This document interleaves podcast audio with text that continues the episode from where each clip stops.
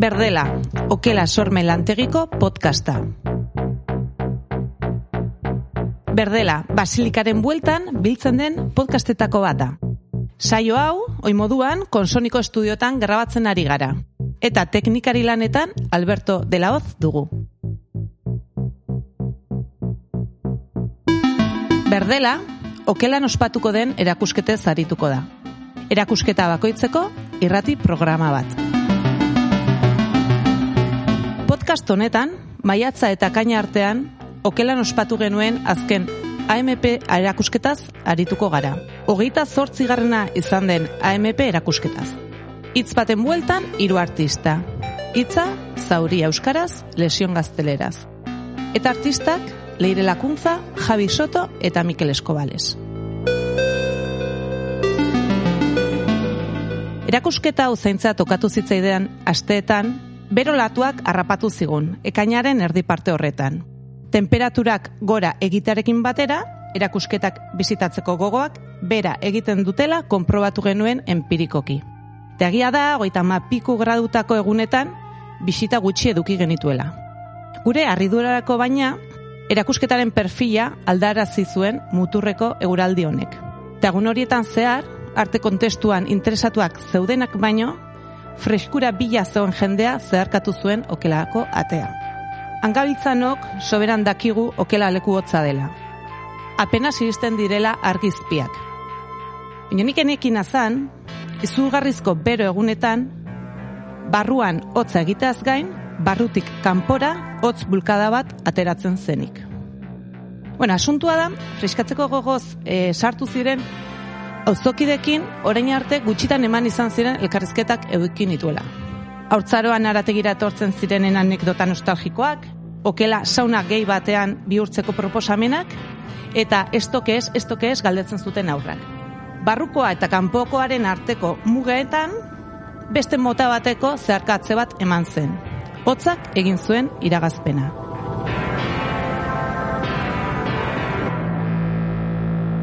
Azken aurreko AMP-an, Ibai Madariagarekin konversazioan mugen materialtasunaz espekulatzen aritu ginen. Plano baten gainean marra bat egin eta bi espazio banatzen baditu duzu, zer da marra hori galdetzen zion bere buruari? Zertaz eginda dago, ez? Lehorre hori. Lehorre hori ebaki bat da orain aurkeztuko dugun erakusketarako.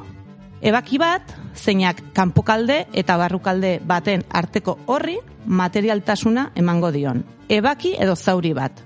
Zauri bat eta ez zulo huts bat.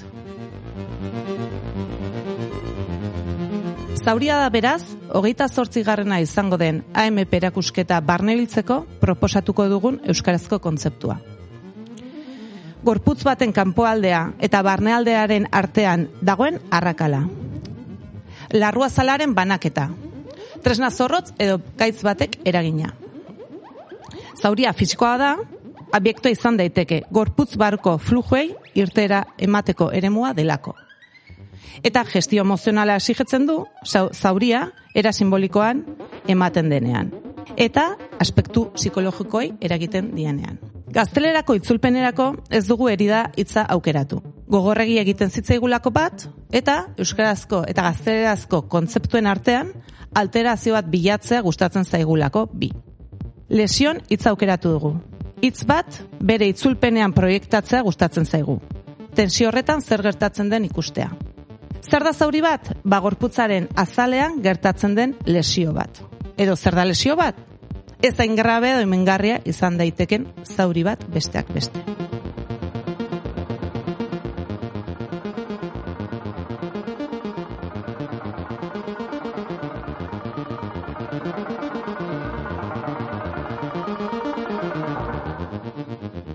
Leire Lakuntza, Mikel Eskobales eta Javi Soto artistak asterte luzez aritu ziren eraso perfektua prestatzen. Mikelek zorroztutako tresna jarri du. Norberaren integridadea mehatxatzen duten pieza luze eta arriskutsuekin. Leirerena, larruazal edo lurrazal horren urradura izan da. Zauriaren materialtasuna modurik eta gordinenean. Eta jabik, zauriaren ondorioak erakutsi dizkigu. Odolatera da, odola lehortu da, eta zauria orbaindu bitartean egiten den postillari forma eman dio.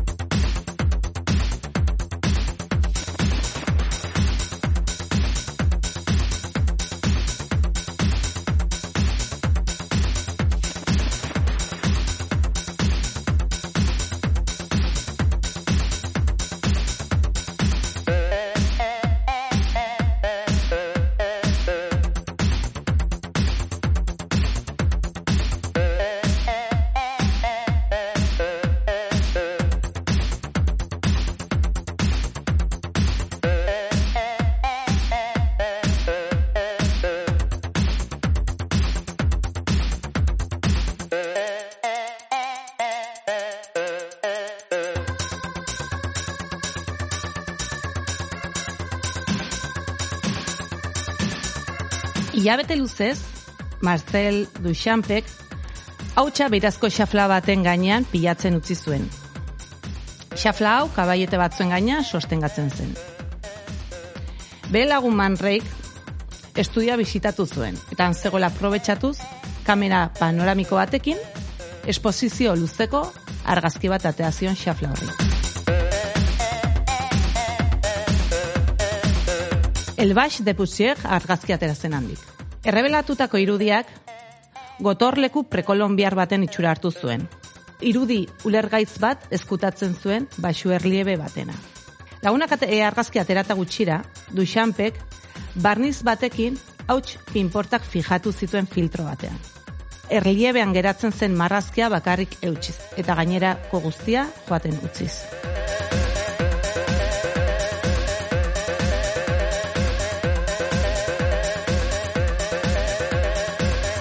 Filtro hau, Long Islandeko beiragile baten gana eraman zuen, eta hauts pinportek egindako marrazkia, marrazki zehatz hori, zilartu zezala eskatu zion.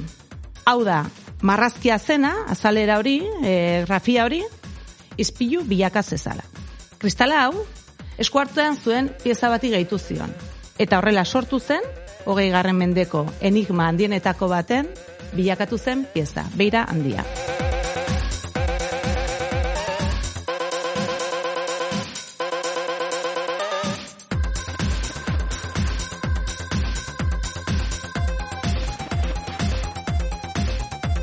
Duxanpen, beirandia beraz, marrazki bat espazioan sostengatzearen arazoari erantzun sentikor bat emateko gogoz jaio zen. Beirandia, ekintzaren negazio bat izan zen, du nothing bat. Denborak egin zezala, gizakiak egitea ukatzen zuena. Grafia bat espazioan mantendu eta akzioaren negazioz ekoiztu. Bi borondate hauek emango digute sarrera Mikelen lanean sakontzeko.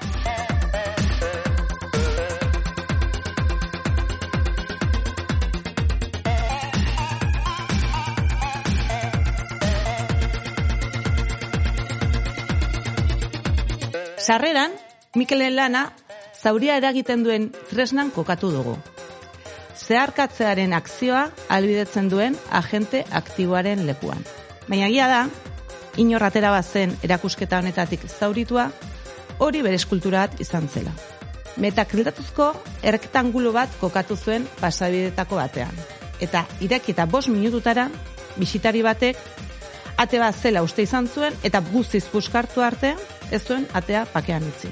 Istripu honeta zabiatuko gara Mikelekin hitz egiten hasteko. Hola Mikel. Hola. ¿Qué tal estás? Bien.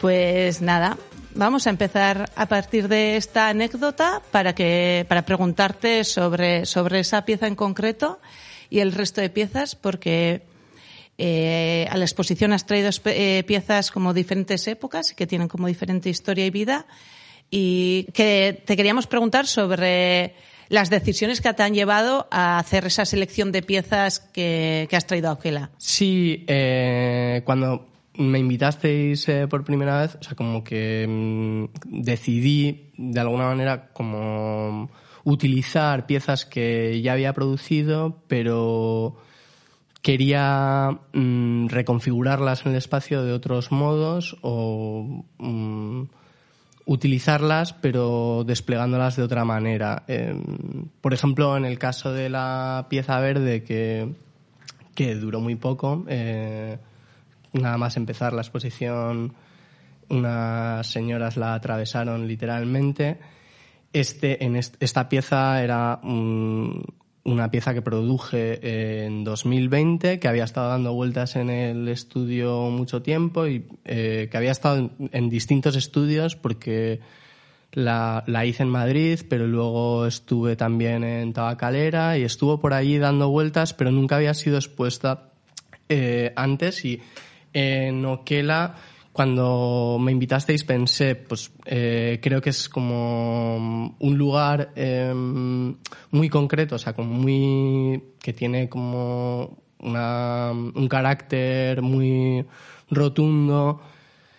Em, y pensé que era muy, no sé, como que podía encajar esa pieza ahí y, y cuando hicimos el montaje de las piezas entre todos, pues mm, sí que lo vi claro como eh, porque había como una especie de repetición entre la pieza del fondo, que era el tubo que mm, dificultaba el paso eh, para poder entrar o atravesar el espacio, eh, se repetía como, como esa mm, manera de, bueno, de desplegar la pieza o de, de, integrar la pieza en el espacio y, y, había ahí una, no sé, se generaba un, em, no sé como cómo un diálogo, que, un diálogo donde las sí, no quería decir diálogo, ¿no? pero, eh... pero, había ahí una, algo que, que funcionaba muy bien eh, y, y de alguna manera yo creo que era el lugar eh, para, para, esta pieza, porque no, no luego estuve pensando, porque en, en, otros sitios o lugares para colocarla, pero no, no entonces mm, porque esta pieza, eh, que así para el oyente y para quien no haya visitado la exposición, es una es un rectángulo, ¿no? De metaclato bastante grande y eh, cuando la hiciste, ¿la habías pensado como puerta? O sea, como la has dispuesto en, en, un espacio donde antes había una puerta, por tanto no ocupa toda la superficie que ocupaba la puerta, pero por tanto obliga como al, al visitante como a contorsionarse, plegarse y pasar de lado pero sí que tiene un juego como con la, con la idea de puerta. ¿Estaba en pensado realidad, para...? Sí, en realidad es una, es una pieza que, que le falta un, un, O sea, no, no, no, es una puerta, es como una especie de, de, de caja, que fue caja, pero que, que ni siquiera lo es porque le falta un ángulo y en un primer momento eh, fue una caja, literalmente, eh, pero como no funcionaba, decidí cortarla eh, y al diseccionarla, entonces volví a producir eh, esta, esta nueva pieza.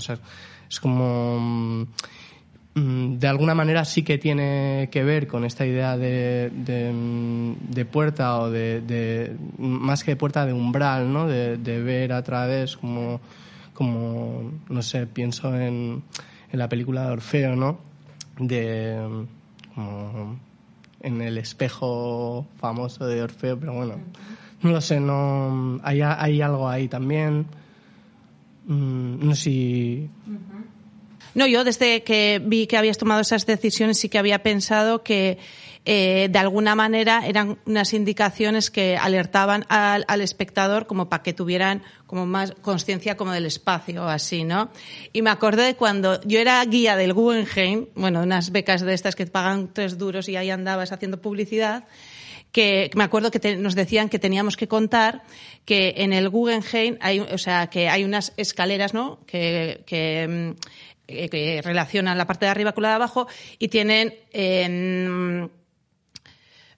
unas dimensiones raras, entonces hacen que siempre tengas que bajar con el mismo pie. Y que, que Gary lo había hecho adrede para poner al espectador alerta antes de entrar en el museo o algo así, ¿sabes? Como que ya fueras consciente de la arquitectura que te rodeaba.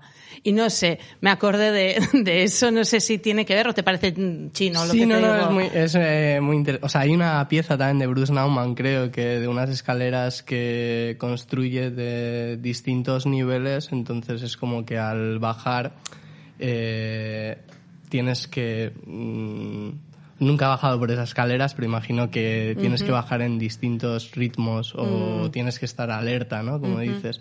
Sí que hay una relación en eso, yo creo. Sí, no es... eh, o sea, yo pienso que cuando entras en una exposición, pues tienes que ubicarte ahí y ver qué, qué hay en el espacio y... mm, sí que es cierto que en este caso, pues bueno, igual fue demasiado ponerlo en, en todo el medio y, y no funcionó o no lo sé, no sé si... Pero nunca pensamos que, esta pieza iba, la iban a romper, o sea, porque incluso hablando con Javi o... En ningún momento eh, pensamos eso, pero es algo que simplemente ocurrió y no pasa nada tampoco. O sea, Ya, sí, y que, o sea, no sé, no me imagino que mm, es algo con lo que te habrá tocado lidiar muchas veces, ¿no? O sea, como de, porque tus piezas sí que tienen como una especie de, de naturaleza frágil o delicada, aunque igual estén hechas, aunque igual eso es como solo una percepción que está en, en el espectador, igual luego son más resistentes de lo que parecen, pero me imagino como la cosa de la fortaleza, la, la ruptura, en la relación con el espectador, es como, ¿no? Eh, Cuestiones, no sé si las tienes en cuenta o tú las haces, las pones y luego Sí. que pase lo que tenga que pasar. sí que es cierto que hay una vulnerabilidad en algunas piezas, pero a veces no pasa nada que se rompan o que se caigan. Por ejemplo, eh, aquí no había ningún tubo de ese tipo, o sea, pero en hace no tanto hice una exposición en la que colocaba un tubo eh, más de diámetro más pequeño, era un diámetro más pequeño que los tubos que he utilizado ahora para, para esta exposición. Y el tubo estaba simplemente colocado en equilibrio en el suelo y tenía agua, eh, había agua dentro que rebosaba. Entonces, eh, había gente que, bueno, si tocabas el tubo se caía, pero no, no pasaba nada. O sea, se volvía a colocar al día siguiente y entonces podías ir a ver la exposición y encontrarte el tubo en el suelo o al día siguiente eh, encontrártelo em, como tenía que estar o no sé. O sea, tampoco o sea había que- una manera específica de simplemente era un tubo que si, si lo tocabas pues se caía. Entonces, eh, juego un poco con, o sea, no, no, no me importa que, que las cosas cambien de, estado, ¿no? O de, lugar. En este caso, pues era una, una respuesta, ¿no? Casi a- al, eh, aquí sí que ha sido un poco más agresivo el- la entrada de las de, de estas señoras que atravesaron o sea que, que se pensaban literalmente que era una puerta no Son, eh, y hasta que no no no no abrían eh, no, no, no- abrieron la puerta del todo no pararon de, de, de- de insistir en, eh, en ese pero bueno eh, es algo que también, bueno, da que pensar en, en, no sé. Y luego, no sé, también eh, eh, ayer cuestiones que salieron, porque bueno, estamos grabando aquí un viernes, pero ayer jueves fue el Verbaldi y ahí sí que salieron como algunas cuestiones como bastante interesantes. Y una de ellas era que venías, eh, pues eso, ¿no? De Mondra a, a Bilbo en el autobús pensando en aquellas cosas que no hiciste en Oquela, algo así, ¿no? Entonces, hemos hablado de algo que, que hay, algo que hubo al principio y se fue, y no sé si te apetece hablar de, de eso que, que nunca hubo. Y por qué no hubo, y cuáles son también las relaciones con, bueno, pues con los deseos y luego las realidades, ¿no? De- Sí, bueno, es, es eh, yo creo que ocurra eso, ¿no? Es, es interesante porque esa manera de, de, no sé, como de, cuando llegas a un espacio tienes unas intenciones y luego eh, construyes desde ahí tienes un, deseo de hacer, pero, pero luego sí que siempre, normalmente cuando terminas una exposición, eh, bueno, yo eh, siempre soy, soy muy indeciso, entonces cuando no, no, es que no me haya gustado lo que haya hecho o no esté contento con lo que haya producido, pero siempre hay como un, eh, es algo que te remueve, ¿no? O que, remueve y, y, que hace que, pienses en, mil maneras más para, para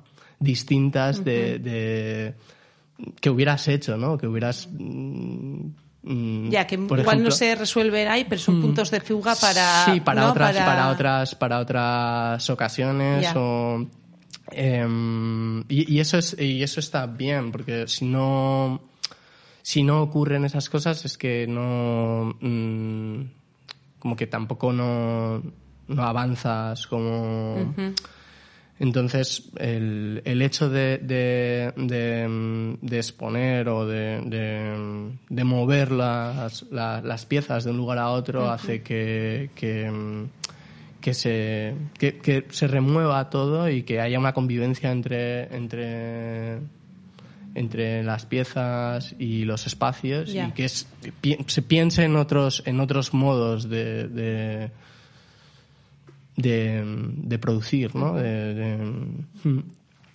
y, y sí, no lo sé, o sea, justo cuando venía ayer a la charla pensaba como en todo eso, ¿no? Que hubiera, que hubiera hecho eh, igual de otra manera, pero claro, lo pienso ahora, eh, eh, cuando lo hice no, no, pensaba en ello, o sea, pienso ahora que, que, ya, que ya, que ya he hecho la, que, que el resultado ya está, que ya está ahí, o sea, simplemente...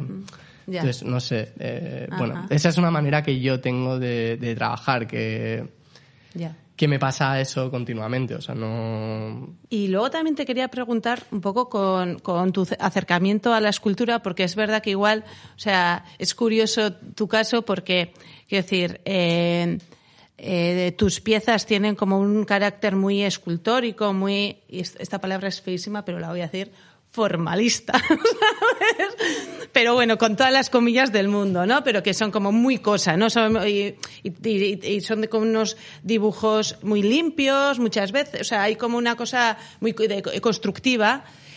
Eh, pero curiosamente eh, has estudiado en Madrid, ¿no? Entonces, eh, cuando sabemos que todo, o sea, como la herencia tan tocha que hay en, el contexto vasco de todo ese tipo de, de escultura y bueno, no sé, o sea, ese exotismo y al mismo tiempo cuna, ¿no? O sea, nido y exotismo al mismo tiempo. es curioso, es curioso, porque sí que es cierto que, mm, bueno, ha habido gente que mm, em, cuando hice la exposición en Barcelona alguien me dijo, pero tú eres muy poco vasco, ¿no? O sea, como... Eh, pero luego, a la vez, eh, cuando estuve en Londres eh, eh, haciendo la residencia en Gasworks, ahí todo el rato estaban como haciendo referencia al contexto de Bilbao, ¿no? Y como al, a esa manera de producir, de procesual, o porque de algún modo en Londres, eh, simplemente por, por, por, espacio, porque los estudios son pequeños, pues tienen los artistas otras formas, no todos, pero, pero tienen otras maneras de, de, de, hacer, ¿no? Y bueno, sí que mm, yo estudié en Madrid eh, y de hecho, o sea, yo antes de hacer escultura hacía pintura. Eh, y no sé, el formalismo, bueno, eh, está sobrevalorado, pero eh, no, o sea, no es algo que con el que tú te sientas, con, lo que yo me sienta identificado tampoco, no. Pero sí que trabajo y bueno, esa esa sí que es cierto que para esta exposición he trabajado más con piezas, eh, pero de algún modo yo me gusta mucho trabajar con el espacio y aunque luego produzca piezas, me gusta intervenir el espacio y me gusta trabajar en el espacio, desde el espacio y a través del... O sea, como no... Mm, me gusta llevar las cosas sin resolver y estar eh, produciendo en, en, el, en, el, espacio expositivo durante tiempo. Incluso si tengo 10 días de montaje o 20, mejor que si tengo 5, porque ahí es cuando ocurren cosas. Y si de repente tienes dos, tres días de montaje, pues claro, tienes que llevar las cosas más resueltas o em, tienes que tener una idea más clara, pero no... o sea, me gusta mucho cuando, cuando dejas todo bastante abierto y tienes posibilidad de, de crear algo o de reconfigurar las piezas o lo que hayas eh, lo que presentes ahí de, otros modos, ¿no? Entonces, eh, no sé, sí que es cierto que para esta mm, expo, aunque hay pequeñas intervenciones, sí que es más, o sea, que están estas piezas de cristal que fueron, eh, o, sea, que estuvieron en otra exposición de, de otro modo y aquí, bueno, no sé, sí que en eso es verdad. Claro, pero que luego también, o sea, eh, también es como interesante desmontar como la, el antagonismo entre, ¿no? O sea, la frialdad y lo, aséptico de las formas geométricas o, y como la expresividad y, y en ese sentido, hace poco, o sea, hace nada hemos estado hablando de, de, este comentario del artista Eulalia Baldosera que ella decía que, que le gustó mucho ver en unas piezas de Donald Judd, que son así como tan, tan limpitas y tan perfectas, que son de latón, como una huella de, una huella dactilar, ¿no? Y que ella veía que era a través de esa huella donde entraba como el cuerpo, la vida y, y, entonces en ese sentido no sé eh, si, si tú has solido pensar como en la emocionalidad también de, de los materiales brutos, de la cosa más limpia, séptica, que en un principio no tiene esta cuestión como no por lo menos a nivel de cliché, de, sentimiento, de pasión, de todo esto, ¿no? Pero a ver qué relación tienes con... Es una, o sea, un poco abstracto así, ¿eh? De, alguna manera yo creo que es inevitable que, que los afectos y los deseos eh, se crucen ahí en ese hacer o en ese producir de... Porque es, yo creo que es inevitable, pero sí que, bueno, es curioso lo de la huella, porque claro, Donald Judd eh, mm, tenía unas luchas ahí cuando le traían las piezas, eh, porque muchas veces le hacían destrozos, le ponían pegatinas, eh, porque se pensaban que, bueno, que claro, era una chapa y ya está, ¿no? entonces, le ponían cinta. Entonces, claro, destropeaban las piezas porque hay muchos metales que simplemente eh, con tocarlos es eh, súper complejo volver a limpiar eso. Entonces, él no estaba nada de acuerdo con. Bueno, no estaría de acuerdo con, con Eulalia Baldosera, pero. A mí no me molesta tampoco eh, que, que, que, esas huellas eh, ocupen eh, bueno, es inevitable, pero, pero sí que es cierto que a veces, eh, por ejemplo, eh, lo que ha pasado en la exposición es ya pasarse un poco. Eh, pero bueno, lo de tocar, mm, dependiendo de la pieza, tampoco no me. porque es algo inevitable, entonces. Mm, es algo que ocurre, ¿no? y, y luego es curioso porque hay algunas piezas que, que, empiezan a tener huellas en algunos lugares, ¿no? que son esos lugares donde las, donde las tocas para cogerlas, para moverlas y em, se van, dependiendo del material, no es posible quitar esas huellas o se van quedando ahí, no lo sé. Eh, bueno, eh, sí. Qué bien. Jo, pues muchas gracias, Miquel. Sobre todo quería agradecerte porque ya es que, que eh, no, sabes, no, no te suele gustar mucho como ponerle palabras a tu trabajo, lo que sea, así que ya sé que has hecho un esfuerzo especial por estar hoy aquí con nosotras. así que mi esker de Nagatik.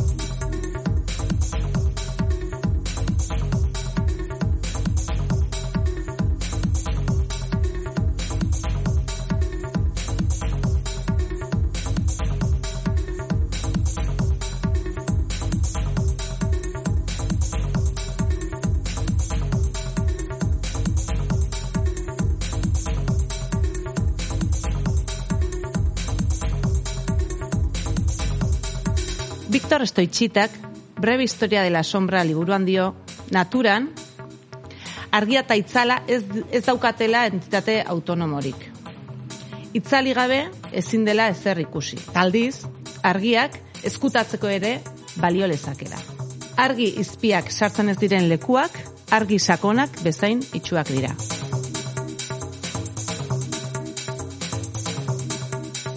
Eguzkiari zuzenea segundu batzuz begiratzen badiogu, eguzkia sartze zaigu begi barruan.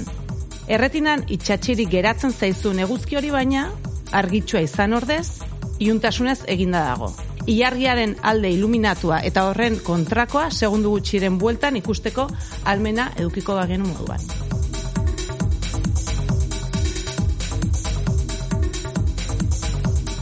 Erdiaroko figurak ez dira gorpuzten, itzalik ez dutelako. Errenazimenduan, argiaren irudikapena asmatzen da, perspektiba deskubritzen delako.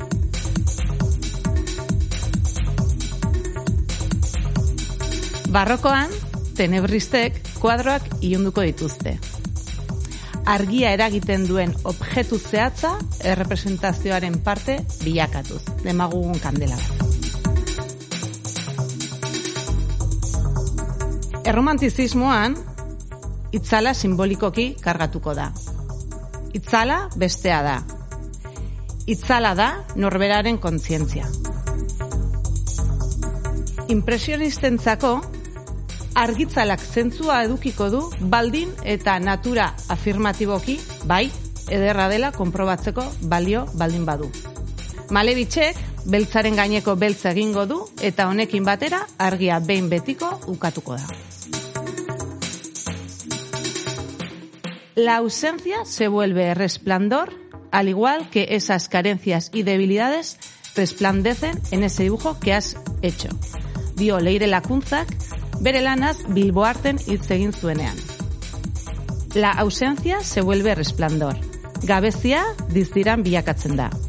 Gorputz baten ausentzia, itzal baten presentzia, señala dezake. Eta gero dio, al igual que esas carencias y debilidades resplandecen en ese dibujo que has hecho. Aultasunak, zauriak eta erredurak. Aultasunak, zauriak eta erredurak izango dira erakusketa honetan argiaren pasabideak. Intentsidadeko, intentsidade handiko argizpiak. Hain, hain, hain argitsuak, itzala asmatzen duten maskara batez begiratuak izan beharko direla. Maska hori jarritakoa da leire muntai honetan. Kaixo leire. Kaixo.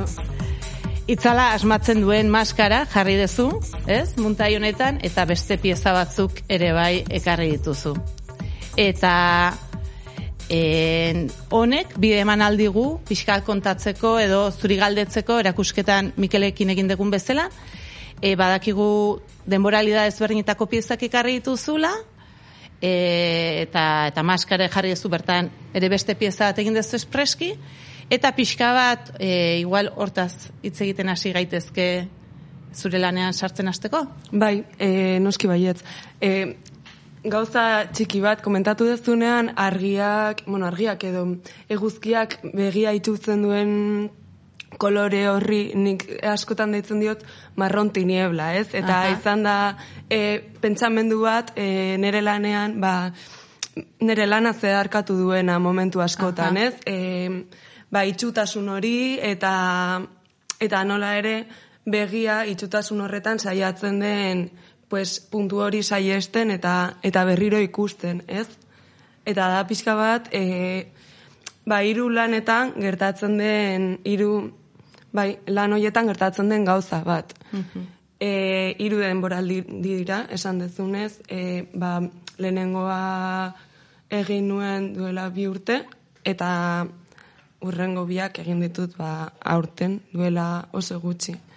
Badago haien artean e, lotura bat, e, obturazio bilaketa bat edo oztopatze hori, ba, lehenengo pieza horretan, e, bueno, lehenengo edo zarragoa den pieza horretan, e, ikusten dut beltzaren, bueno, e, forma beltz hoiek, eta baita ere azetatuaren brilloak oztopatzen dutela e, zentzu batean ikuslearen begirada. Askotan e, pentsatzen nuen, no llega a culminar al, en el fondo de la pieza, ez? Osea, da gehiago e, lurrazalean gelditzen zera la begira edo horrelako zerbait. Aldiz e, zapailean dagoen interbentzio hori e, bazuloengatik badauka ja beste aldera begiratzeko gauza bat, ez? Eta Bai, eta- ez, ez, jo, hau, gu, esaten dezun guzti hau, egoratzen dit, bueno, nik ez dakit zuk e, bak, euki izan dezu noiz bait, e, jakeka okular edo migraina okular, ba, nik txikitatikan sufritzen dut, eta da, e, da, sensazio hori, en, nun, eta oso, osea, oso zaila da deskribatzen, baina badago hori ez, oztopatze bat begiradan. Eta hori da lehenengo seinalea, lehenengo sintoma, eta gero buruko mina garatzen zaizu. Eta gogoratzen naiz, e, Julia Espinolak egintzunean artiatzen erakusketa, ez dakit ikusi zenun, ba, berak bilatzezuna ere bai pixkat sensazio hori izan, ez? Eta, e, eta horregatik zidu zeuden bisola irutan bi pieza ezberdin da bere ideia zen, behien zeuden mantxak, nola baita erretinan geratzea, goikoa ikusi ahal izateko, edo olako e, oztopatze bat, baina sola hiru ezberdinetan ematen zen e, materialarekin. Ez, ba... Wow, ze, ze polita hori. Bai, claro, baina, o sea, ze kuriosoa zan, zenetzako sensazio da, sub, e, ez, o sea, hori, Ja, txarra forma da. da, ne, claro, da, da, bai, bai, ze, Bai. claro, uzt- hori, horrek bai oztopatzen dizula. Claro, eske azkenean ere e, oztopatze hori edo, osea, baita ere pues, fluorescenteekin gertatzen zitzaidan lan egiterakoan. E, piztuta zeuden eta bueno, estudioan argi naturala daukat, baino argia joaten zenean, ez, gauean, itxutzen nintzen pila bat e, hori ikusterakoan, ez, eta ba, aurreko pieza horretan nuen joko hori berdina, be- gertatzen zen berriro ere honetan, eta e, bai gustatzen zitzaidala. Jun, Julia Espinar, Espinolaren hori komentatu dezuna, gustatu zait pentsatzea hori ez, como transportatzea irudikapen bat zure begian espazio batetik bestera. Osea, Claro. Eta da, em, el, lurrazal edo azalera minimoa, ez? Osa, argia bezala, argia da, ja, e, ez da pintura baten moduan daukala, pues, ditula dimentsio minimo batzuk. Osa, argia ja da, e, posatzen dela edo zein tokietan, ez? Eta kontatu dezun hori ere, gainera begian transportatzea hori, da, wow, oso, oso eh, radikala, ez? Zentzu batean. Eta gero ere, eh, oztopatze horrekin jarraitzeko, eh, bueno, denboral, o sea, denboralidade desberdinei buruz ordez, oztopatzari buruz ari naiz, baina, bueno, ez?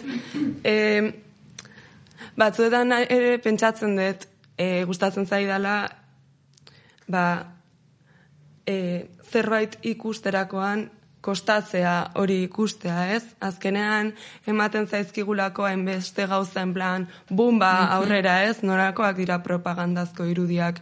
Oso argiak eta eta zuzenak, ez?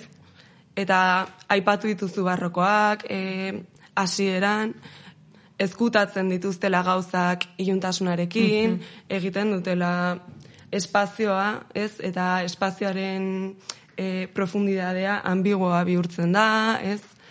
Bai, hori dena, ba, honekin e, lotura handia dauka.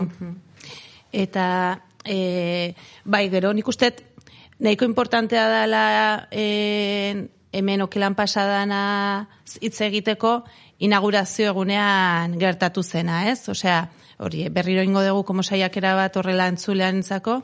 E, okelak dauka parte bat e, xafre, osea, e, daukala zapai bat nahiko bajua, Eta e, hor e, zulatu zenun, hor, digamos, e, ma- marraztu zenun suarekin, ez? Su, su, su txorro batekin. Eta horrek eragin zuen xafla urtzea eta zuloak zeharkatzea, goiko partea eta beko partea, ez? Zapaiaren goiko partea eta bekoa.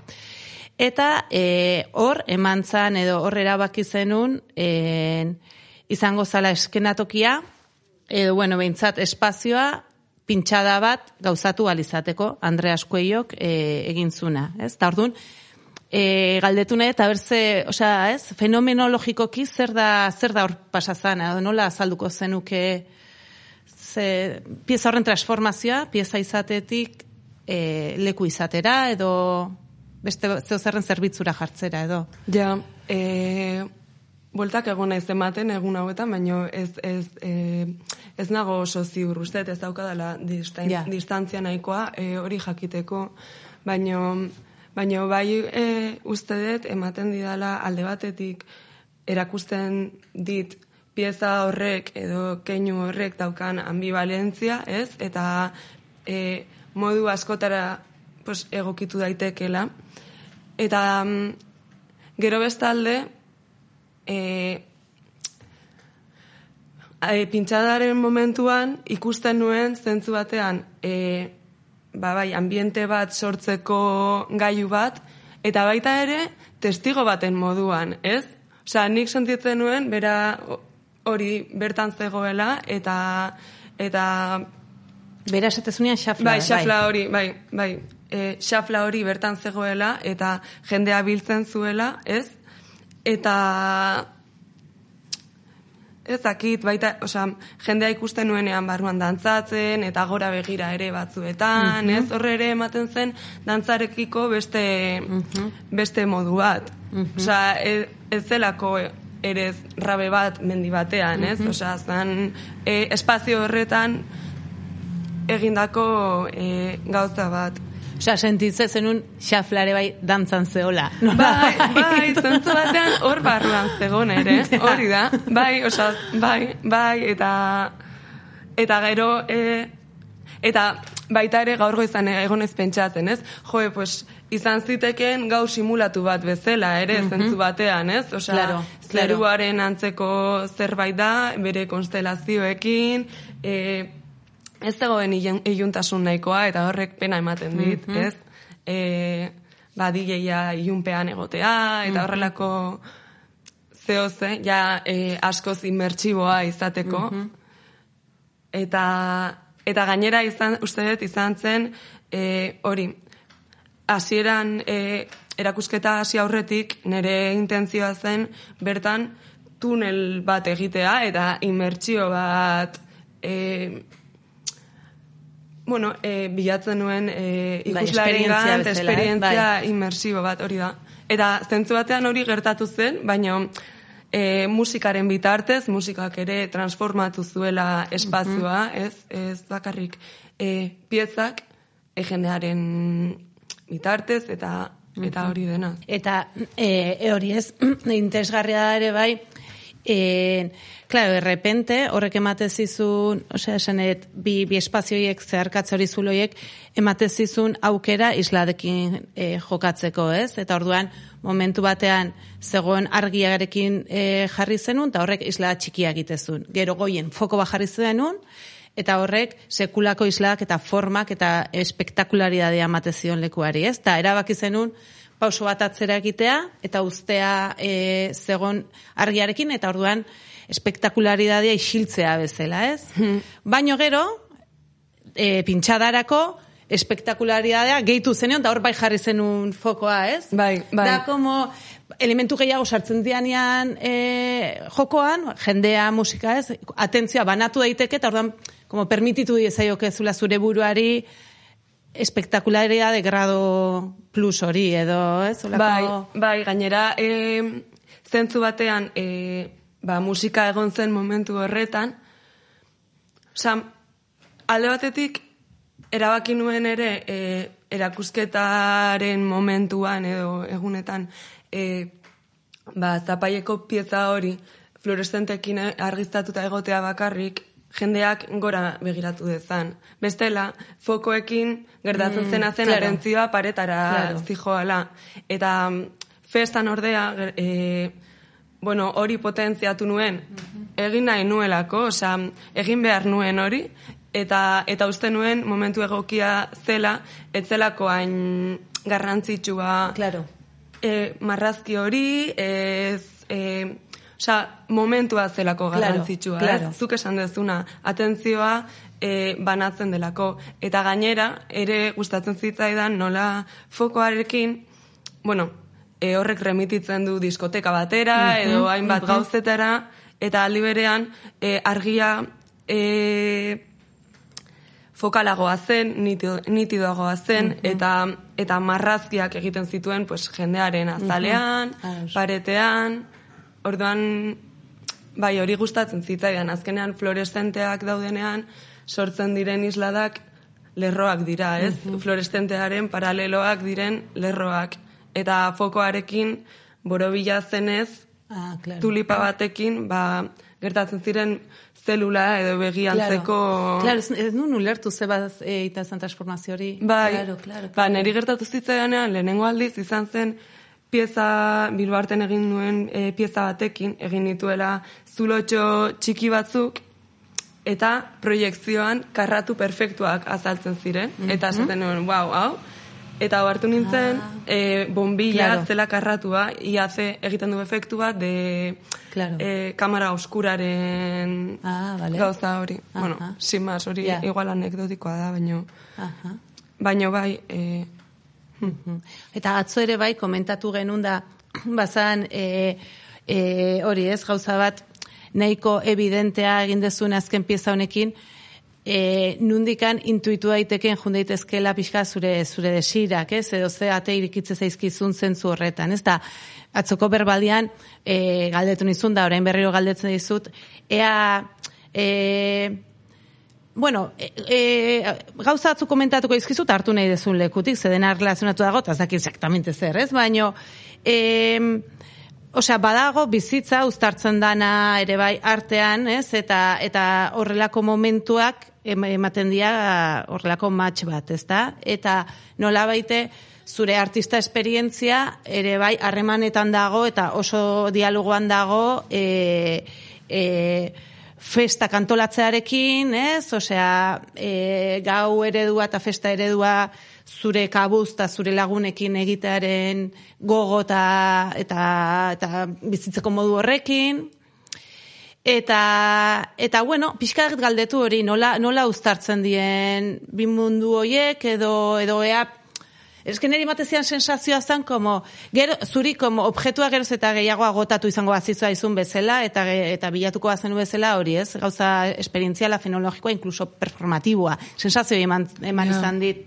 bai, e, adibidez, e, e, historia, bueno, e, aintzinako historio bat dago de los antiguos reyes de Etiopía, eta gertatzen da, e, bueno, erregea eta erregina egote, e, daudela denbora pila bat, ume bat eukinaian, eta azkenean egun batean, e, juten dira lotara, eta eta bueno, eh, y te concebimos a ti, hija, ¿no? Esaten dio amak. Eta eh, ama zegoen Andromedaren eh, kuadro bat ikusten hori egin zuten bitartean, eta bere alabak Andromedaren antza zeukan, eta ez gurasoen antza, ez? Ordan es como nola irudi batetik eh, pertsona batera Osea, muga hori da itzalaren kontua bezala, ez? Osea, itzala da plano baten eta gorputzaren arteko gauza bat, ez daude ainurrun. Eta igual, desira hori ikusten dut e, neregan, bai, igual objektuak agotatzen ari zaizkit, ez dakit, bueno, ez dakit orendikan, uste jarraituko dutela, baino, baino egia da, e, zentzu batean, e, okelan gertatu zen horrek pentsarazi zian e, beste planteamendu bat eman behar niola ere lan egiteko moduari, non ba Andromedaren pinturarekin bezala e, e, arte lan edo gauza hoiek gehiago sartzen diren e, bizitzan. Eta gero e, kontatu dezun e, festaren kontu hori, e, ikusten dut ere, osea, festaren montatze hori, e, postura politiko bat bezala ere, ez? Osea, igual hor egiten dut salto beste goza batetara, baino baino eske hala ikusten dut, da ez ez esateko modu bat, ez? Ez ez e, e, duela gutxi e, idazten nuen, ez? Como, no a, a la productividad, no? A un montón de gauza pila bat, ez? E, produktibitatea edo e, zer izan behar den gizabanako e, zuzen bat, edo hainbat gauza, ez dira, osea, ba, festan aldatzen direnak, eta bai, ez akit, eske gainera e, duela gutxi pentsatzen nuen, e, taz liburu horretan, ez? Zona temporalmente autonoma horretan direla, ba, igual, e, okupatzen dela espazio bat, e, eta okupa, beste pues, e, boterea edo etortzen danean hori okupatzera edo hori xurgatzera berriro eskapatzea zen estrategia, ez? Orduan, pues, igual, e, guzti honekin pentsatu dezaket, ba, lotura ere hor dagoela, ez? Osea, azkenean e, igual erromantika jarriko naiz, baina uste e, artearekin ere e, bizitzeko moduak eraikitzen direla, ez? Eta honetazo hartu naiz, e, azkeneko, bueno, osea, sentitzen duzu, eta ezakit, baina bai, osea, e, ba, okelako inaugurazioan gertatu zen hori, ez? Non, e, lehenengo aldiz, elkartzen ziren ere reurren lana eta nerea beti geundela elkartu nahi genuela. Non ikusten nuen jendea e, izerditan, ez, e, musikarekin, baino baita ere argiztapen mota batekin, ezen diskoteka batez. Osea, ja e, gelditzen da espazio batean e, indefinidoagoa eta eta irekiagoa, ez? Bai. Bai, azkenean, e, esaten dezunak ere bai zer, zerikuasia dauka, nola ite, e, galtzearekin, bai, espazio eta denboraren percepzioa, ez? Eta como laguna hori generatzen, eta hori ere bai, izan daitekela politikoa, ez da? Osea, ze ere bai, nola ite, denbora linealtasuna eta produktibidadeari zulo batzuk eskintzen dion, ez? Zulo hueko espazial mental batzuk, ez? Eta, eta zentzu, osea, horrek eramaten hau urrengo komentario e, galdera luzatzera, eta da asko gustatu zaitela e, e, zure lagun Ibon Landak jarri zuen e, argazki bat Instagramen eta buruz bera edo hankaz gora jarri zuen instalazioa. Orduan izatetikan e, zeru izardun bat pasazan a zuabioian zaude eta e, gaueko hiri bat izatera edo horrela. Eta pixka berdina pasazan gero handerrekatera zeun argazki horretan ere goitik begiratutako instalazio horretan ez? Mm. Eta e, eta hori ere bai relazionatuta nola momentu batean muntaian egin zenunean gustatu zitzaizula goitik ikustea ez ba horren inguruan ea izan daiteken bide bat ere bai irak iriki zaizuna edo zakit. Ja, eske ez dakit eta eh gustatzen zaite pila bat, ez? E, ideia hori. Osea, momentu batean zerua izatea eta zuk esan duzu moduan e, ba, abioietik ikusitako paisai bat izatea gero. Edo, edo, bai, bai, bai, bai, osea, horrek ja ematen du, ez? E, edo iradokitzen dizkizu gauza batzuk eta ematen dizkizu gogoak ba, berriro pentsatzeko. E, gaur eta atzo egon naiz e, pentsatzen ez, eta nola egingo nuke, edo nola egin nezakeen e, ba, pieza horren goi, goikaldea ikusi alizateko.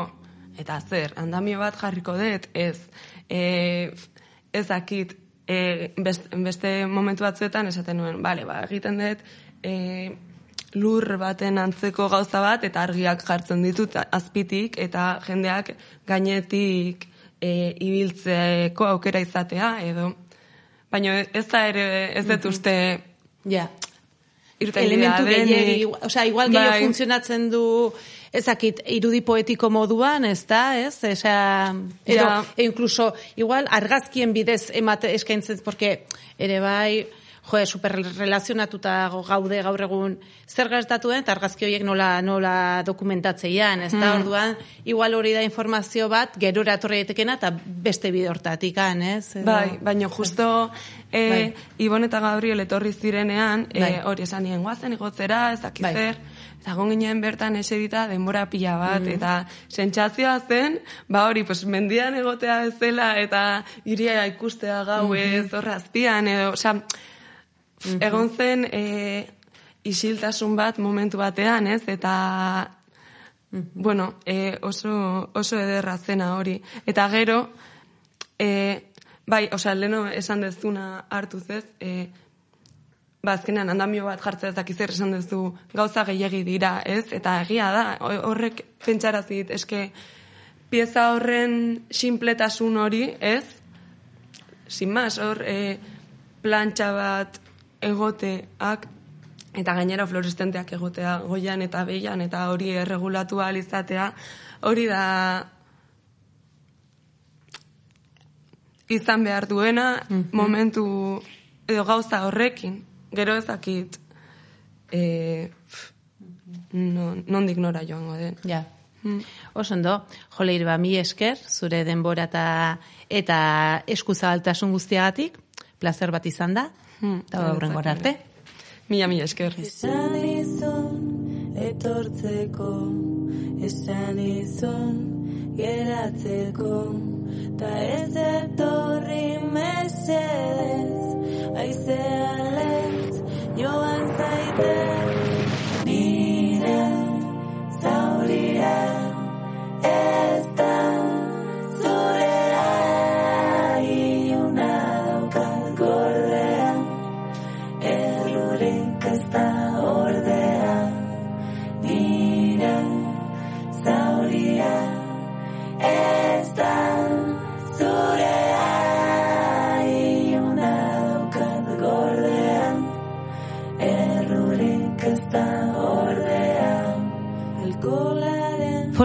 jatorriari buruzko eztabaidek paper esanguratsua jokatu zuten lurraren sorrerari buruzko teorian teorien arteko talkan.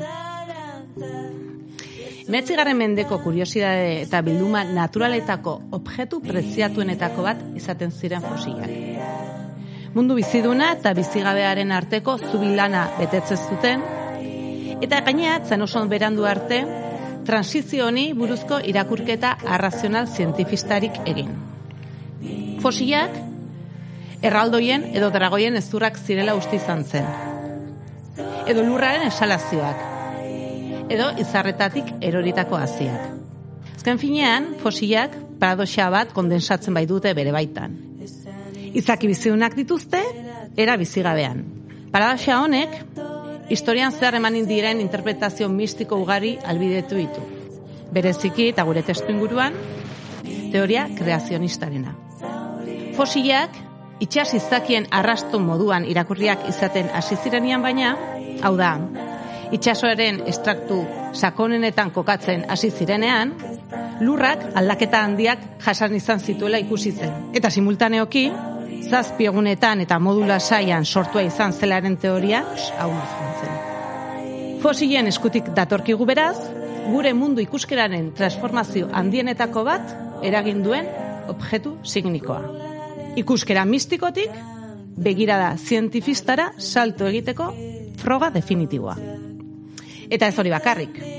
Desplazamendu hau, historia naturaleko bildumetatik edo bildumen garapenetatik begiratzen badugu, ikus dezakegu nola objektu kulturalak asmatuko diren naturarekiko esperientzia zuzen bat edukitzearen gabezia baretzeko. Nola natura, osotasun organiko bat izatetik, hildako zatiek osatzen duten biltegiak izatera pasatu zen. Edo este hitz batzutan esan da. Nola natura bilduma bilakatzen den. Eta nola, ez den gehiago, esperientzia terminoetan ulertuko eta memoria terminoetan ulertzen hasiko den. Javiren lanean, naturarekiko esperientzia hori objektu artistikoaren bitartez heltzeko gogoa aurki genezake. Olatuak gondorrak eta protobirusen forma hartzen duten formen bitartez, itxaso sakonean eta mundu subakuatikoaren misterioetara eramaten gaitu. Eta fosilen antzera, material organikoaren desintegrazioan geldialdi bat proposatuko digu. Odola oztuz, harri bihurtuz. Hola Javi, ¿qué tal? Hola, muy bien. Bueno, luego te lo traduzco, aunque hace poco me has dicho que, que más o menos gracias a todos esos años que has vivido en Bilbo puedes llegar a entender hasta un 40% de euskera. Sí, he bueno, he entendido cosas. Dentro del contexto eh, creo que he entendido cosas y que hay términos y y conceptos de los que has hablado que creo que van, que has hilvanado muy bien con respecto a, a la exposición. Que ayer, curiosamente, no hemos hablado de, de, de alguna cosa y ahora cuando te escuchaba, lo poco que he atisbado a entender, sí que te- he tenido un par de reflexiones y si queréis empezamos por ahí Claro, la, claro, sí, sí, la por conversación, supuesto. entrevista lo que sea. Perfecto. Entonces, eh, por organizarme un poco mentalmente, eh, partimos del título, ¿no? Vale. Eh, ayer tú hablabas de, el título es Lesión. Sí. Que, es una cosa que me interesa muchísimo porque cada vez vinculo más la línea de trabajo que tengo con el cuerpo, con todos los traumatismos, con todo lo, con todo lo que conlleva el cuerpo.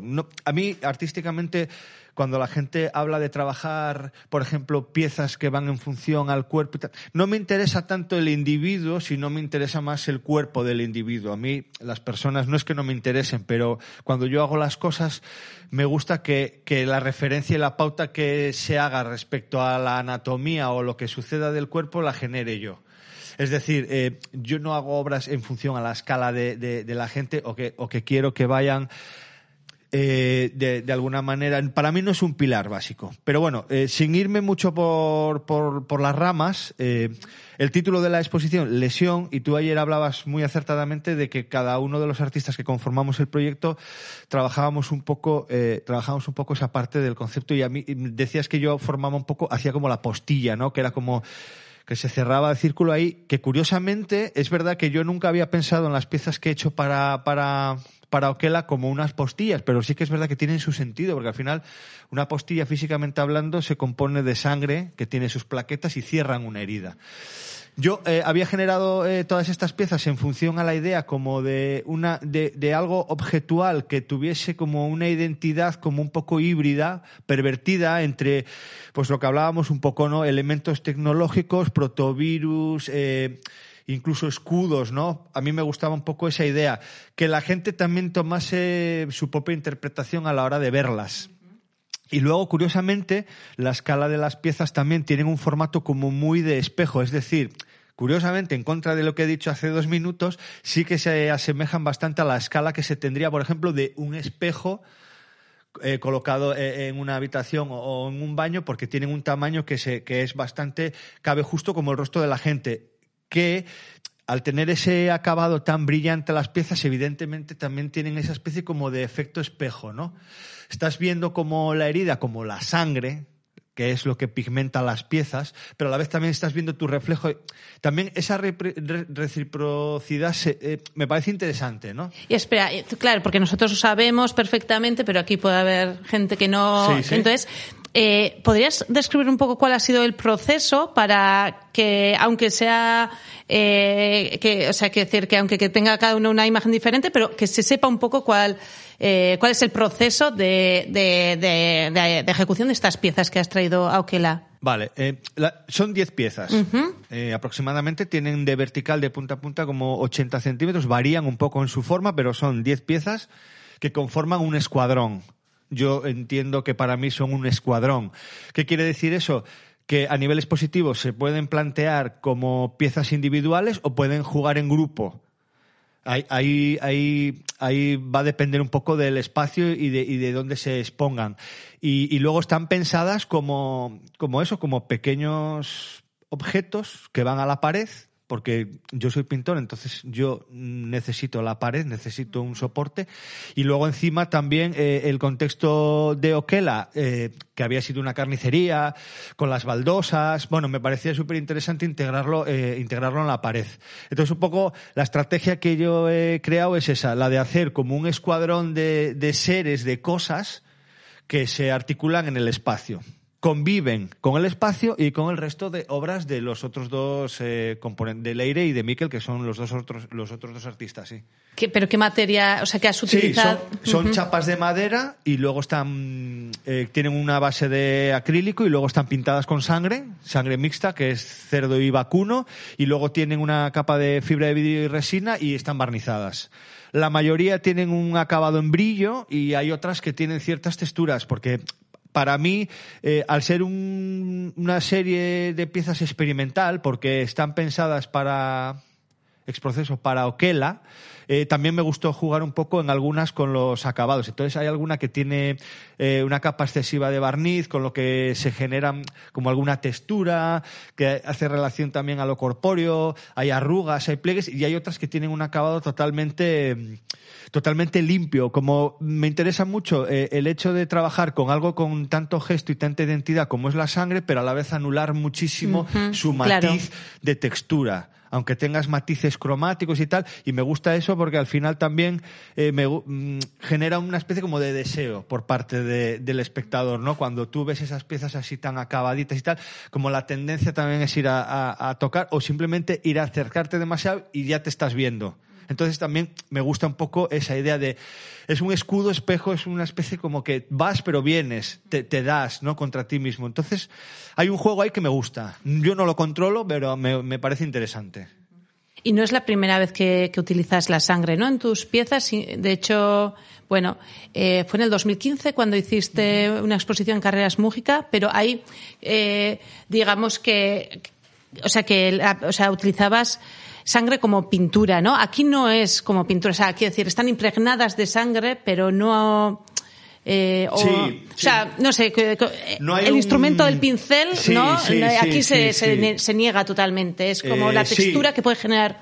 Yo, a mí, yo aquí la diferencia es que eh, yo en Carreras Mújica hi- hice unos cuadros, ya de mano, eh, objetualmente eran cuadros, eran telas, y utilizaba la sangre como, como una pintura. Era un elemento cromático y utilizaba, utilizaba básicamente pintura, aunque había pequeñas partes de los cuadros con algo de, de spray y de acrílico, pero trabajaba la sangre como un elemento pictórico. Aquí me interesa más como un rollo de piel como de corporeidad. Es decir, yo pienso en un objeto, doy forma al objeto, eh, defino su contorno, pero el cuerpo se lo da la sangre. Evito claro. todo tipo de gesto. De hecho, estas piezas están pintadas en plano. Y yo eh, he hecho mucha cantidad y varias capas de sangre y voy dejando que se vaya esparciendo ella por la propia superficie y no genero nada. De hecho, casi pierde la identidad de sangre. Hay algunas piezas que podrías ver y podría ser casi como esa especie de muebles decorativos que llevan como esas láminas Estuco como o... un- sí, o que simulan mármol o Sí, sí, sí, porque sí, sí. a mí me parece que esa perversión de anularle el gesto Claro. a la sangre, pero a la vez que le dé cuerpo al objeto, me, me- me gusta, me gusta. Es un poco esa idea. Entonces, claro, son dos maneras totalmente diferentes de trabajarlas. Eh, aquí en Oquela lo que pasa es que para mí la carga simbólica del sitio y lo que y el nombre y, y lo que ha sucedido dentro de ese espacio y el contexto que es me parecía muy muy interesante y me, me- era la excusa perfecta para volver a retomar el tema de la sangre. Claro, que al final de lo que estás hablando es un poco como, como de retener eh, tanto como el flujo, ¿no? O sea, quiero decir, eh, porque la sangre como buen líquido tiende como a expandirse y a, eh, ¿no? O sea, eh, lo de a borbotones, ¿no? Entonces es como unos procesos orgánicos igualmente que la, que la oxidación, que tú de aquí de esta manera los petrificas, los congelas y, y- y- y limitas ¿no? ese, ese proceso orgánico. Y ves, los congelas en un momento de, de- de su naturaleza o algo así, Sí. como de su flujo, ¿no? O- Es, es como es como para mí echar la sangre sobre las piezas es como darles cuerpo. Es como es como cuando ahora en los laboratorios eh, eh, están haciendo piel, ¿no? Hace poco eh, escuchaba en la radio que un laboratorio en Japón habían conseguido hacer piel, porque la piel es el órgano más grande que tenemos. El- la piel es un órgano en sí, como los hígado, eh, el hígado, los riñones, eh, pulmones, etcétera. Entonces me, me gusta la idea de yo más que pintar con la sangre estas piezas, lo que hacía era como darles cuerpo corporeizarlas, Claro. ¿no? A base de capas y capas y capas. Por eso no me interesaba tanto el, el carácter pictórico de cómo quedasen. Me interesaba el hecho de, de que estuviesen hechas con, esas, con esa sustancia. Y luego, eh, claro, las tengo que encapsular. Porque la idea de encapsularla para mí es como que les obligas a retener esa forma. No le dejo que con el tiempo se escabulla o se. Es como una manera de, emba- de embalsamar. Claro, que incluso me imagino que te, te interesaría el efecto de, de haber pensado que todo está hecho de sangre, ¿no? Como que no tiene madera en la base o Claro, algo me así, ¿no? encantaría, O sea, pero es que creo que técnicamente sería muy costoso de hacer, pero se podría hacer. O sea, tú podrías conseguir una lámina de 3 centímetros de sangre, pero a base de mm, seguramente muchos años y sería muy frágil y muy... Pero es que conformaría algo, se haría corpóreo. Ya, ya. Entonces, bueno, eh, aquí lo consigo, pero con mis limitaciones Ajá, también, ¿no? Claro. Y saliendo un poco como de la, de la Expo de Oquela, porque, joder, yo eh, sí que me gustaría preguntar, porque es algo como que, pues una cuestión que me acompaña últimamente por el tema también de, de la edad, de ver también los procesos, ¿sabes?, del arte, la vida del artista. También me gustaría que me hablaras un poco de, de tu relación con la pintura, porque llevas un montón de años pintando en circunstancias a veces favorables, otras adversas, pero no sé, me, me impresiona y me gusta mucho como el compromiso ¿no? que, que has mantenido siempre con, Bueno, con la eh, práctica. A ver, eh, yo no voy a decir que soy un artista que sufra muchas crisis. Yo nunca he tenido una crisis de no puedo pintar y sufrir por ello. Yo soy Vale. bastante pragmático en la vida en general, pero sí, pero, pero sí que, es decir, es una cuestión de inteligencia emocional. Igual que hay relaciones que son tóxicas y puedes tener la capacidad de decir pierdo esto con esta persona, pero gano en calidad de vida, o puedes decidir no hacerlo y tienes que pagar un precio. Yo creo que si eres íntegro y lo decides hacer así, me parece muy bien. Yo con el arte, cuando estaba en la facultad, me acuerdo que de repente empecé como a pintar, ¿no? Yo, yo llegué a la facultad y no sabía muy bien todavía qué iba a hacer. Hasta segundo año de carrera, que de repente hubo un profesor que me dio carta me dio carta blanca, me dijo, tú haz lo que quieras, dedícate a pintar y explora un poco porque con los ejercicios que estoy dando lo único que te estoy haciendo es como abigarrarte. Entonces, yo me acuerdo de entrar en el plan antiguo, en la, en la clase donde estaban Gracenea y toda esta gente que eran como superiores a nosotros, y yo vi aquello y dije, hostia, yo, yo quiero hacer esto, lo que hace esta gente, que es estar todo el día en el choco metido y pintando. Habí- Había un mundo allí que aquello para mí, y se, y se abrió un mundo. Entonces, me liberé y empecé a pintar. Y tuve como dos años en los que de repente, buf, eh, estaba como, como pintando de todo y a todas horas y de cualquier manera. Pero luego conocí un artista que no voy a nombrar, que era, que era, que era un A ver, artista que Vamos era, a jugar al quién es quién. eh, era, era un artista muy referente para los pintores de aquella época, generacionalmente mayores a mí, como eran Gracenea, como era Richie, como era Jaffo, toda esta gente, vaquero, tal.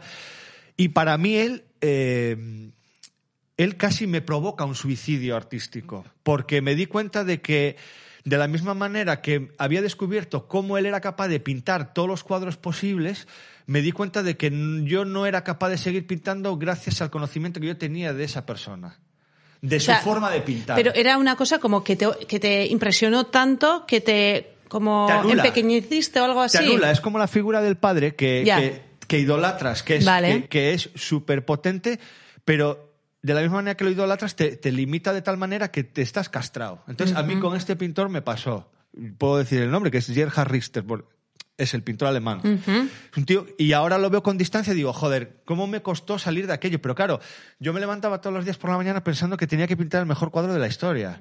Entonces, llega un momento que esa presión no la, no la, Claro. no la soportas. Claro.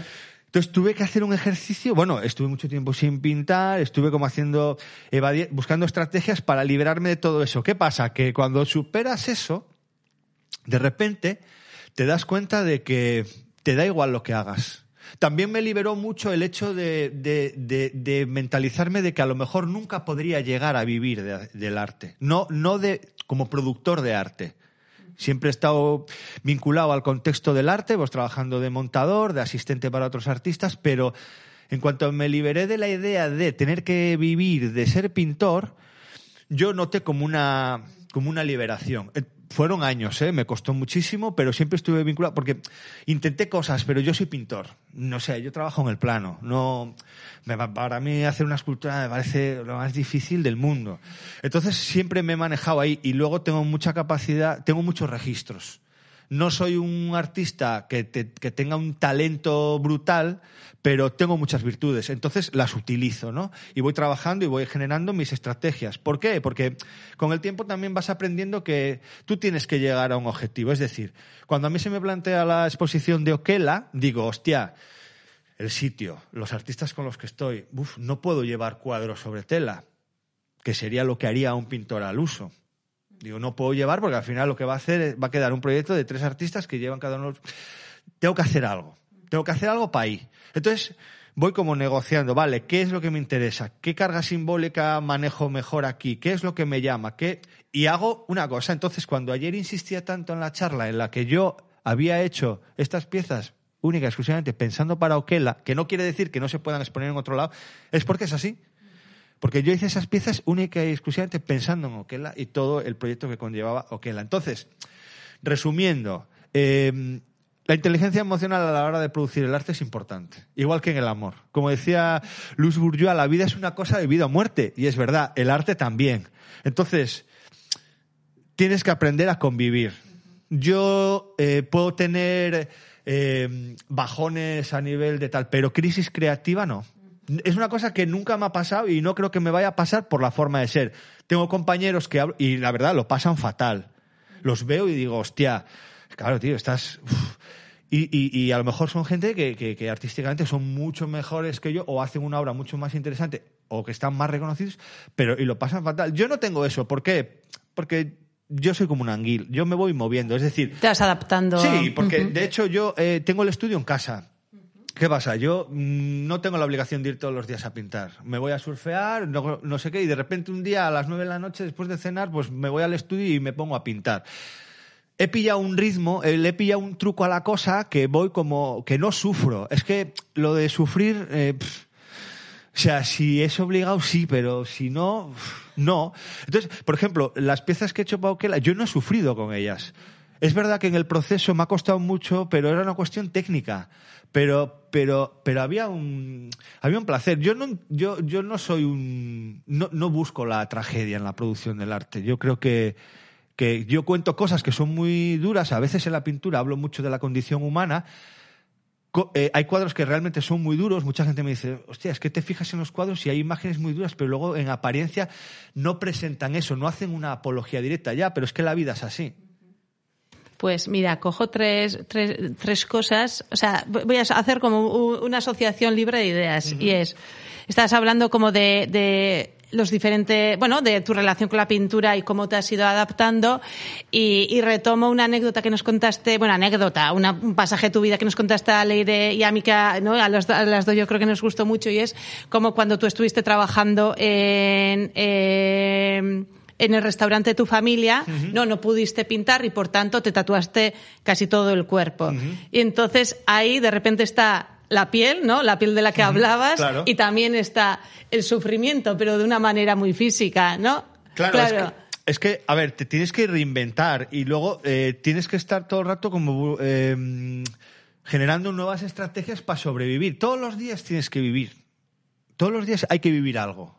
Mm, Evidentemente vives porque estás vivo y respiras, pero todos los días tiene que haber un momento del día o de la noche o de cuando sea en el que tomes conciencia de ti mismo y decir, hostia, hoy he hecho algo, aunque sea un mínimo gesto, que vale para mí, es por y para mí.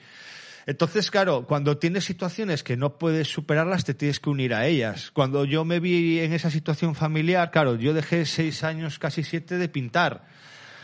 Digo, hostia, pero algo tengo que hacer. Entonces, ¿qué hago? Eh, vale, yo no puedo pintar porque no tengo tiempo físico, pero puedo seguir generando algún proyecto. Y empecé un proyecto con un amigo mío que es tatuador y empezamos a hacer algo en mí. Y para mí era como una salvación, era como un poco la redención.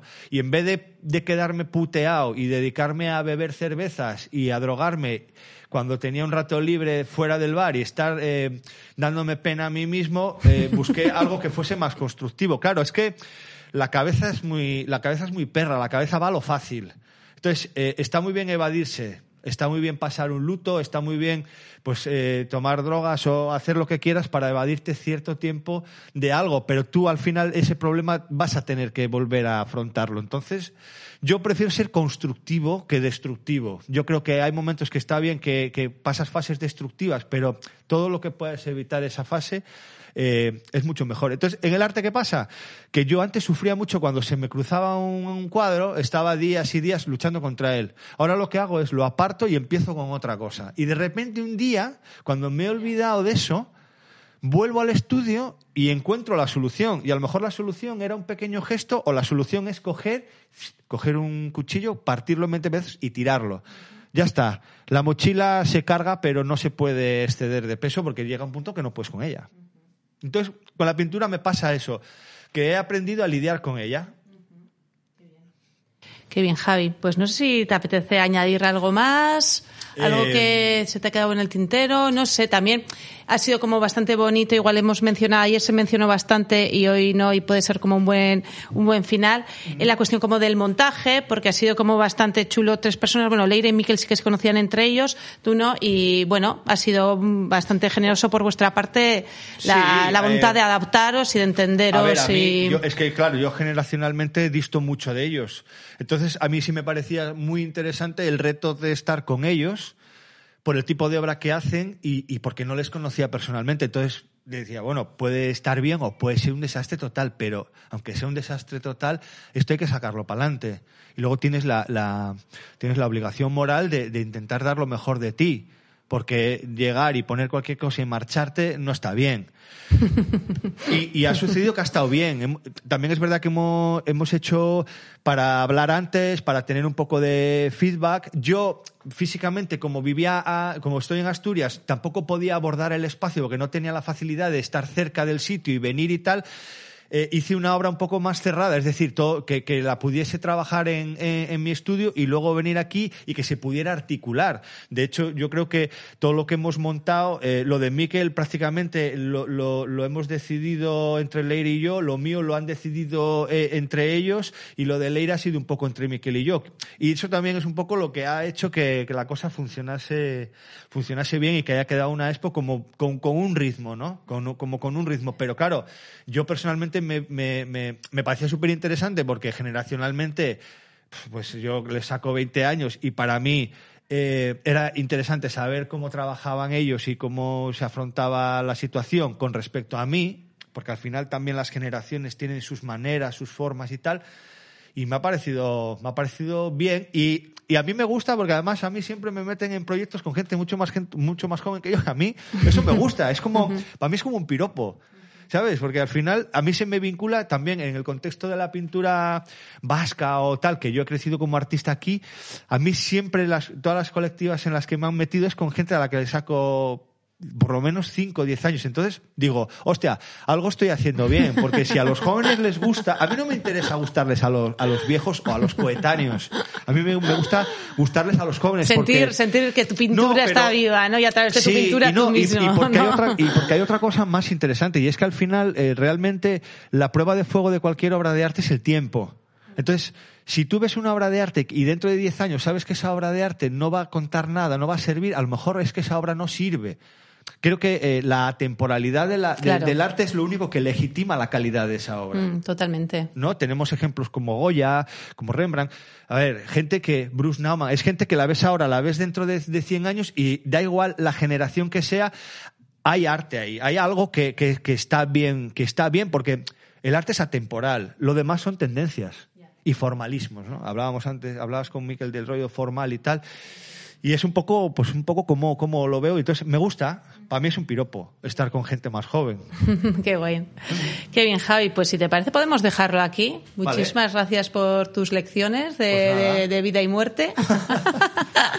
Bueno, eh, más, más de vida que de muerte. Más de vida ¿no? que de muerte, sí, sí. La muerte está en, en, en la sangre que tú reutilizas. Sí, bueno, a ver, la, la muerte está siempre. El- el- como, como, como, como decía, como decía Lacan, decía una cosa muy guapa que era como el sentimiento de muerte o algo así, ¿no? Que siempre está como ahí, como acechando. Pero ¿qué haces? El instinto de muerte. El instinto de muerte, tienes que convivir con él.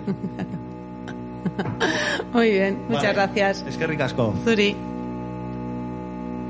Judizio generalaz nola horit ez dira Bekatuan bizi dira beti bere aixira Egun hartan galezkiten aizinetik begira. Hanor duian ez dukegu ehork ere aizina. Gaurkoz, agurtzeko ordua iritsi zaigu.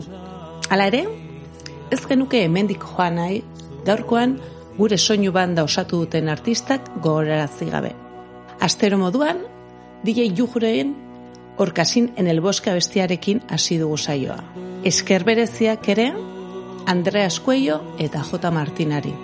Elkarrizketa eta elkarrizketa artean, arnaz pixkat hartzen lagundu digutelako. Eta noski, Ibon RG eta Berde Prato maitei. Brei zor baitiegu, saioaren amaieran entzun dezakegun abesti derra. Zeru eta lur guztia daude ikaraturik Saio hau grabatu eta kaleratzen zen tarte horretan, berri on bat jaso dugu konsoniko konplizera garen guztiok. Izan ere, konsonik gure artea saria irabazi du. Beraz, gure zorionik beroenak eta eskerrik sakonenak konsoniko bidelagunentzat. Baita ere, Alberto de la Ozi, soinu teknikari lanetan aritzagatik. Eta noskita batez ere, saio honetan elkarrizketatu ditugun artisti. Mikel, Leire eta Javi, mila esker, iotzez. Badakizue, aurreko berdela saioak eta basilikako beste saio guztiak, iboxen, basilikaren webean, Spotify edo ohiko plataformetan ere aurkitu ahal izango dituzuela. Ondo izan eta aurrengo arte. eskusatu Hare Hare